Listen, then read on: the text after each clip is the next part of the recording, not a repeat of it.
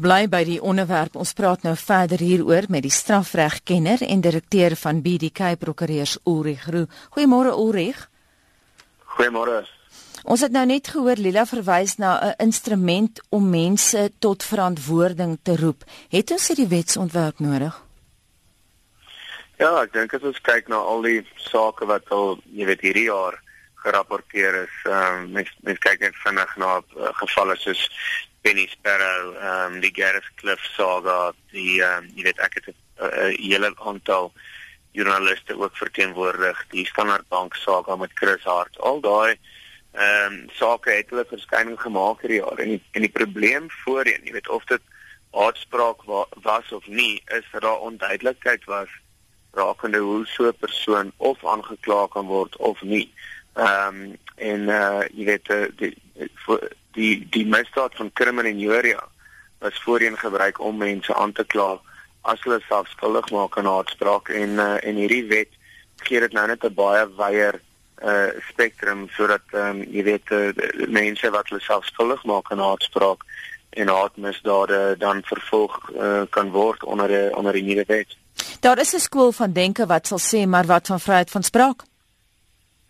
Nee natuurlik, uh, maar jy weet vryheid van spraak het sy eie limite ook. Jy kan nie net sê wat jy wat jy dink ehm um, uh, gesê moet word nie. Jy moet ander mense se se gevoelens en ander mense uh ook in ag neem en en dit is waar daai fyn balans getref moet word. Ehm um, jy weet jy kan nie net uit in die openbaar gaan ons kyk nou na uh gevalle met sosiale media en mense verloor heeltemal perspektief as hulle op sosiale media gaan en hulle sit agter 'n skerm en uh, en hulle sê dan goed wat hulle in die openbaar vir 'n persoon in tekstig nie sal sê nie. En dit is waar hierdie wet dan sal inkom. Jy kan nie net uh jy weet ehm um, uh, uh, 'n uitspraak jouself skuldig maak daaraan omdat jy dink dat jy uh, geregtig is om te sê wat jy wat jy wil nie. Daar's 'n baie fyn balans. In die oomblik wat jy iemand ehm um, se gevoelens en emosies krenk deur daai haatspraak dan sal jy jouself skuldig maak daaraan ongeag of jy dink jy geregtig is om dit te sê of nie Gepraat van geregtig om te sê of nie Ulrich,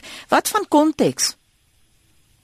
Nee, konteks moet altyd in ag geneem word. Ehm um, jy weet dit is daai ou ou ehm um, gesegde van jy kan nie net uh, omdat iemand iets aan jou doen kan jy regverdig dat jou optrede teenoor hulle nie en dit is natuurlik waar die konteks waar enigiets gesê word in ag geneem moet word. Jy weet ehm um, ek ek gaan nou weer terugverwys na Chris Chris Hart en die hele Standbank saga vroeër hierdie jaar, jy weet daai as jy dit in konteks geneem het en en in die lig waarna hy het gesê, dink ek glad nie dat dit 'n geval van haatspraak of kriminalia of rasisme was nie. Dit was uh, iets wat gesê was in die konteks van ons ekonomie.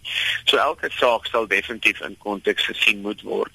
Maar ehm um, hierdie nuwe wet sit net daai daai uh, riglyne mooi duidelikheid een, jy weet uh, waaronder 'n mens jy moet seker maak dat jy dat jy dit nie oorskryf wanneer jy iets sê wat jy met swaar op op jou hart lê nie.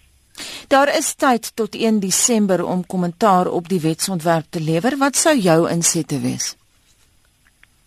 Wel, daar is uh, jy weet uh, dit is 'n baie goeie ding dat dit nou blootgelê word en dat um, enigiemand in die publiek kan nou hulle kommentaar lewer op die webtuiste uh, van van die regering en ek dink ons moet 'n baie fyn lyn tref, um, jy weet om seker te maak dat daai vryheid van spraak waarna jy voorheen verwys het nie heeltemal nou beperk word nie. En jy weet ons kyk veral na na die media en waar hulle berig en dan ook sosiale media. Jy weet mense as hulle as hulle uh, dinge in konteks sê, soos jy ook voorgesê het en hulle beperk hulle self binne die riglyne, dan is daar geen rede dat hulle gestraf moet word in terme van hierdie nuwe wet nie. Ek dink ons moet seker maak dat ons nie heeltemal uh mense se opinies beperk nou nie, maar dat mense seker is dat hulle weet uh, jy weet as as hulle as hulle die die, die lyne oorskry dan dan is daar nagevolge. Voorheen soos ek gesê het, was die enigste misdaad ehm um, wat regtig van toepassing was op haatspraak in terme van ons strafproses en gesien misdaad van kriminalia.